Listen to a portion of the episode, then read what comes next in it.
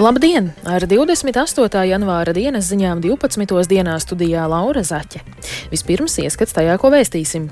Krievija ar laiku varētu panākt materiāli tehniskās priekšrocības karā pret Ukrainu, tā uzskata eksperti. No 1. janvāra pašvaldībās darbu sākusi ražotāju atbildības sistēma dabak, tabakas izstrādājumiem ar filtriem. Tenisistei Aļonai Ostapenko neizdodas izcīnīt Austrālijas Grand Slam dubultspēļu titulu. Par šiem un citiem tematiem plašāk ziņu turpinājumā.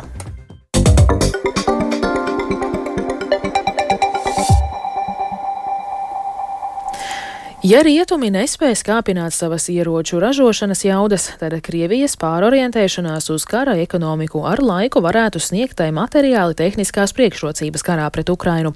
Tā, analizējot atvērtos datus un atsaucoties uz vairākām rietumu valstu amatpersonām, secinājuši Britu laikraksta de telegrāfa žurnālisti. Tikmēr Ukrainas bezpilota lidaparātu ražotāji mēģina izstrādāt tehnoloģiju, kas ļautu palielināt dronu ražošanas apjomus. Turpina Rustams Šukūrovs. Dītelegrāfa žurnālisti publikācijā norāda, ka Krievija savos centienos palielināt ieroču ražošanas apjomus sākusi izmantot civilās infrastruktūras objektus kā ieroču ražošanas cehus. Kā piemērs publikācijā tiek minēts Krievijas pilsētā Iževskā esošais bijušais tirzniecības centrs Italmas, kura teritorijā šobrīd ražo triecienu dronus Lancet, kas tiek izmantoti karā pret Ukrainu. Laikraksts norāda, ka tas ir viens no daudzajiem civilās infrastruktūras objektiem, kas ir pārveidoti par ieroču ražošanas rūpnīcām, kopš Krievija sāka pilna mēroga iebrukumu Ukrainā 2022. gada februārī. Tāpat publikācijā atzīmēts, ka ieroču ražošanas uzņēmumu darbinieki tiek mudināti strādāt sešu dienu darba nedēļu. Savukārt pārējie iedzīvotāji tiek aicināti kļūt par daļu no Krievijas kara mašinērijas, iesaistoties brīvprātīgo darbā. Kāda vārdā nenosauktā amatpersona sacīja laikrakstam, ka Krievijas kopējie ar karu pret Ukrainu saistītie izdevumi sasniedz 40% no IKP, kas krietni pārsniedz Krievijas veselības aprūpes un izglītības sistēmas izdevumus. Kā norāda laikraksts, tā ir statistika, ar kuru kolektīviem rietumiem nākas rēķināties. Militārie eksperti tikmēr brīdina, ka ar laiku Krievija varētu gūt būtiskas materiāli tehniskās priekšrocības karā pret Ukrainu. Un, lai gan politiskajās aizkulisēs tiek plaši atzīta situācijas nopietnība, šobrīd rietumu valstu valdības saskaras ar grūtībām, meklējot tai risinājumu. Laikraksta publikācijā arī dzen atzīmēts, ka Krievijas aizsardzības nozares slepenības režīms un amatpersonu tendence propagandas nolūkos pārspīlēt skaitļus apgrūtina precīzu Krievijas ekonomikas pārorientēšanās apmēra novērtēšanu. Tomēr lielākā daļa ekspertu piekrīt, ka pārorientēšanās ir reāla, bīstama un tā notiek uz pilnu jaudu, teikts laikraksta publikācijā. Tikmēr Ukrainā ražoto bezpilota lidaparātu doļa izstrādātāji plāno ieviest tehnoloģijas to masveida ražošanai. Dronu, ko var izmantot gan izlūkošanai, gan precīziem triecieniem pa pretinieku mērķiem, par saviem personīgajiem līdzekļiem izstrādāja trīs ukraiņu entuziasti. Viss ražošanas process notiek nelielā darbnīcā, ko drona izstrādātāji sauc par laboratoriju. Nesen viņi saņēma valsts grantu aptuveni 30 tūkstošus eiro. Saskaņā ar tā piešķiršanas noteikumiem drona izstrādātājiem jāpanāk tā neievainojamība elektroniskā kara apstākļos. Kā norādīja viens no drona izstrādātājiem, vārdā Staņislavs, šis mērķis ir sasniedzams. Vrak, Diemžēl ienaidnieks mācās, un ienaidnieks ir bīstams. Mūsu pretinieki ir gatavojušies karam gadu desmitiem, bet neskatoties uz to, dažos aspektos mēs tos jau esam pārspējuši. Es nevaru jums pastāstīt visas detaļas, bet mums ir ko darīt. Staņislavs arī atzīmēja, ka viņš un viņa kolēģi cer nākotnē ražot aptuveni aptuveni tūkstoti dronu mēnesī. Rustam Šukurovs, Latvijas Rādio. Kopš Krievijas iebrukuma Ukrainā iznīcināti gandrīz 500 sporta infrastruktūras objekti, bet sportisti turpina trenēties. Neapkurinātās telpās ar sīkstu neatlaidību pierādīt savu nesalaužamo garu. Par to nesen pārliecinājās Latvijas radio korespondente Ukrainā Indra Sprānce sarunā ar Ukrainas Olimpiskās komitejas vadītāju Vadimu Gucaitu. Oficiāli Ukraina vēl nav pieņēmusi lēmumu, kā reaģēs uz iespējamo Krievijas un Baltkrievijas sportistu dalību Parīzes Olimpiskajās spēlēs kā neitrāli profesionāliem sportistiem. Turpina Vadims Gucaits. Гинуть українці, гинуть всі ті, хто захищають батьківщину. Notiek karš, iet bojā Ukrāņi, visi tie, kas aizstāv tēvzemi. Sportistiem, kādam ir psiholoģiski grūti turpināt, daudzi lemj beigt sportista karjeru. Daudzi turpina. Vienai vieglatlētei māti nogalināja raķete. Jūs varat iedomāties, cik smagi viņai ir turpināt gatavoties. bet viņa turpina piedalīties sacensībās un trenēties. Daudz bija spiesti pārcelties no viena reģiona uz otru, jo viņu reģions ir okupēts. Viņi ir zaudējuši mājas, zaudējuši visu, kas viņiem ir bijis, un viņi tagad sāk savu dzīvi no nulles. Protams, ir ļoti grūti, bet eh, pateicoties mūsu bruņotajiem spēkiem un pateicoties mūsu visu kopējiem spēkiem, aizsargājot mūsu valsti, mūsu sportisti turās turpina piedalīties sacensībās, un mēs ticam, ka daudz no viņiem stāvēs uz piedestāla Parīzē.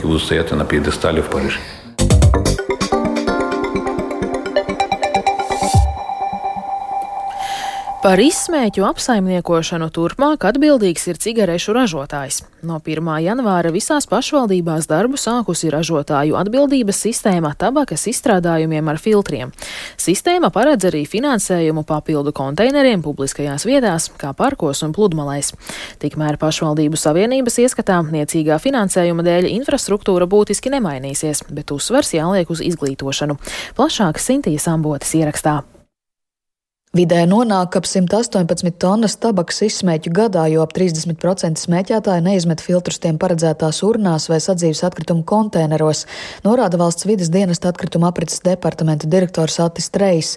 Cigarešu filtri satur mikroplastmasu un rada būtisku piesārņojumu. Lai vidē izmesto filtru apjomu mazinātu, šogad darbu sākusi jauna tabakas ražotāja atbildības sistēma. No attiecīgi nonāk arī šīs mikroplasmasas daļiņas ūdenī produktos, ietekmē arī gan dzīvniekus, gan arī cilvēku veselību. Šobrīd obligātais pienākums no 1. janvāra noteikti ražotājiem, importētājiem, ka viņiem ir jābūt sistēma. Tā sistēmas saumi arī uzturētāji un, un tā kā viņi ir atbildīgi, ja tas finansējums nāk no ražotājiem, un tālāk viņš tiek novirzīts gan pašvaldībām, gan komunikācijas pasākumiem, gan arī par apkritumu atvērt uzstādīšanu par apjomiem, kādi tiek savāti. Pat labāk cigarešu izsmēķi netiek pārstrādāti, tos apglabā kopā ar sadzīves atkritumiem. Arī turpmāk cigarešu filtriem nav paredzēta dalīta vākšana, bet arī speciālās izsmēķu urnas pašvaldībās būs vairāk. Konkursa kārtā par sistēmas apsaimniekotāju pērn izvēlēts Latvijas zaļais punkts, kam jāslēdz līguma ar visām pašvaldībām. Nesakārtoto normatīvu dēļ un iebilstot pret papildu birokrātiju, pērn pašvaldības kūtri iesaistījās sistēmā, bet pat laban līgumi noslēgt ar visām 43 pašvaldībām, stāsta Latvijas zaļā punkta direktors Kaspars Zakulis. Tad no šī gada sāksies nu, teiksim, tā normāls darbs. Jā, jau pašvaldībām reizes ceturksnī būs jāiesniedz atskaites Latvijas zaļajam punktam par to, cik ir publiskajās vietās savāktais piegružojuma apjoms. Mums šie dati būs jāapkopo. Nu, tad, attiecīgi, pašvaldības arī katru ceturksnī saņems aprēķināto naudas summu no tabaks industrijas, kas ir paredzēta šo te tabaks, sauksim viņus par izsmēķiem, savākšanai un nogādēji uz atkritumu poligoniem. Jā, šogad tiks likt papildus konteineru konteineri, lai pašvaldības var pie sevis uzstādīt. Šogad mēs esam plānojuši iegādāties 172 urnas. Nu, protams, es piekrītu, kā pašvaldības teica, ka tas finansējums ir nepietiekams. Līdz ar to pašvaldību savienības padomnieks lauka attīstības jautājumos sniedzas sproģi vērtē, ka jaunajā sistēmā parkos un pludmalēs nebūs krietni vairāk cigarešu filtru urnu un uzsvers joprojām jāliek uz izglītošanu. Tā lielā ņemšanās neatbilst tam, kāds ir rezultāts, jo rezultātā jau visu laiku sētnieki ir slaucījuši ielas un izmetuši tos izsmēķus konteineros. Cilvēkiem jābūt apzinīgākiem un, un, un jāmet ir konteinerā, nevis zemē, jo man pats par sevi saprotams, ka es nedrīkstu mest zemē. Bet ir cilvēki, kas iet un palaiž vējā, un mēs redzam arī braucot ar mašīnu. Izsmēķē, atver logu un izmet izsmēķi uz ielas, un tur ir vaina infrastruktūrai, tur vainas cilvēka sūdzībā.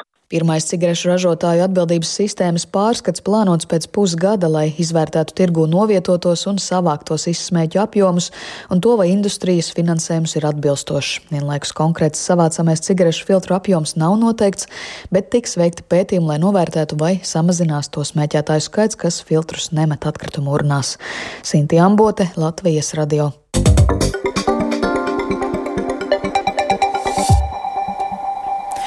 Vakar Daugaupils Olimpiskajā centrā noskaidrots, ka par Latvijas radio divi rīkotās igadējās dziesmu aptaujas muzikālā banka vērtīgāko popa un roka dziesmu kļuvusi dziedātāja Dona izpildītā Lausto šķēpu karaļvalsts.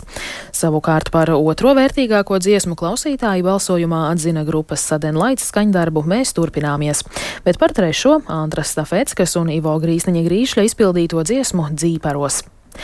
Lūznavas muižā šodien trijos dienā notiks kameru mūzikas koncerts Ziemas sonātes. Tajā flautistes Ditas Krenbergas un arfistes Dārtas Tīsenkopfas Muselī ieskandinās šī gada koncerta sezonu.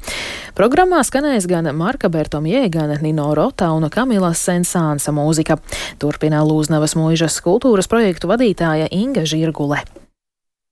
Izcilā flautiste Dita Krenberga un arfiste Dārta Tisenhofa Muselli klausītājs priecēs ar smalku franču un itāļu mūzikas izlasi. Duets izveidojies 22. gada nogalē, lai Rīgas domā atskaņotu līdzīgu koncertu programmu, bet jau šogad, pirmajā Lūznavas mūžas sezonas koncertā atskaņos to Lūznavā.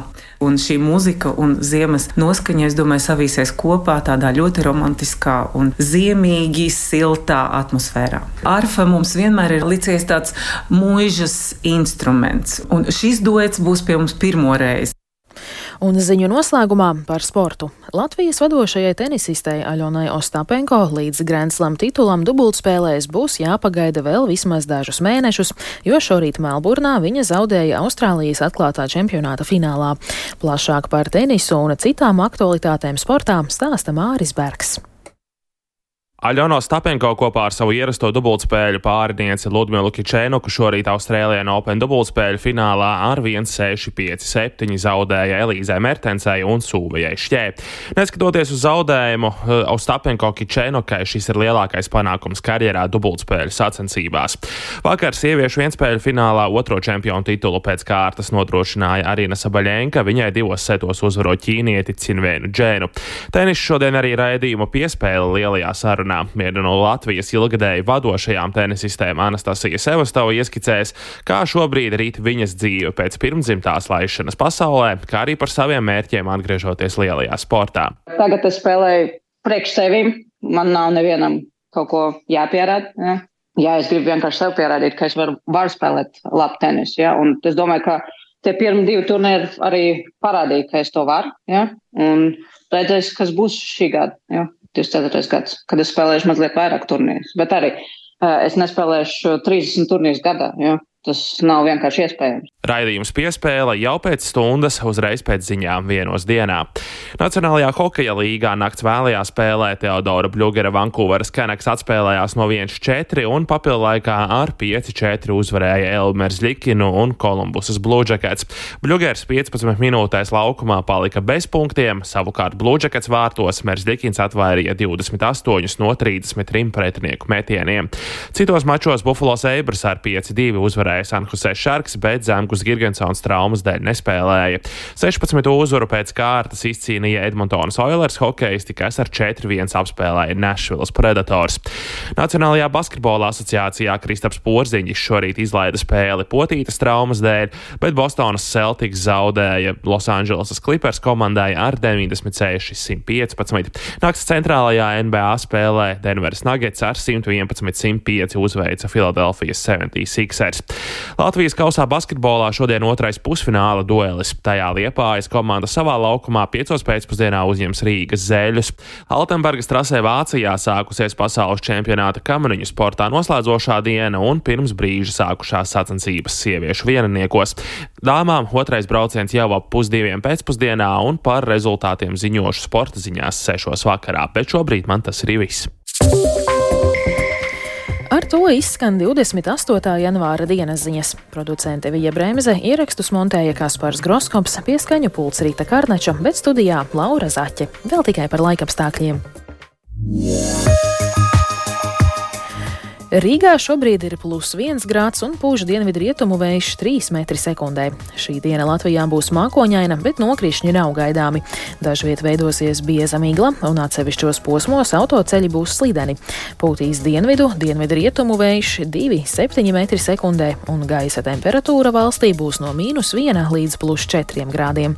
Savukārt laika prognoze šodienai ir trešā nelabvēlīga.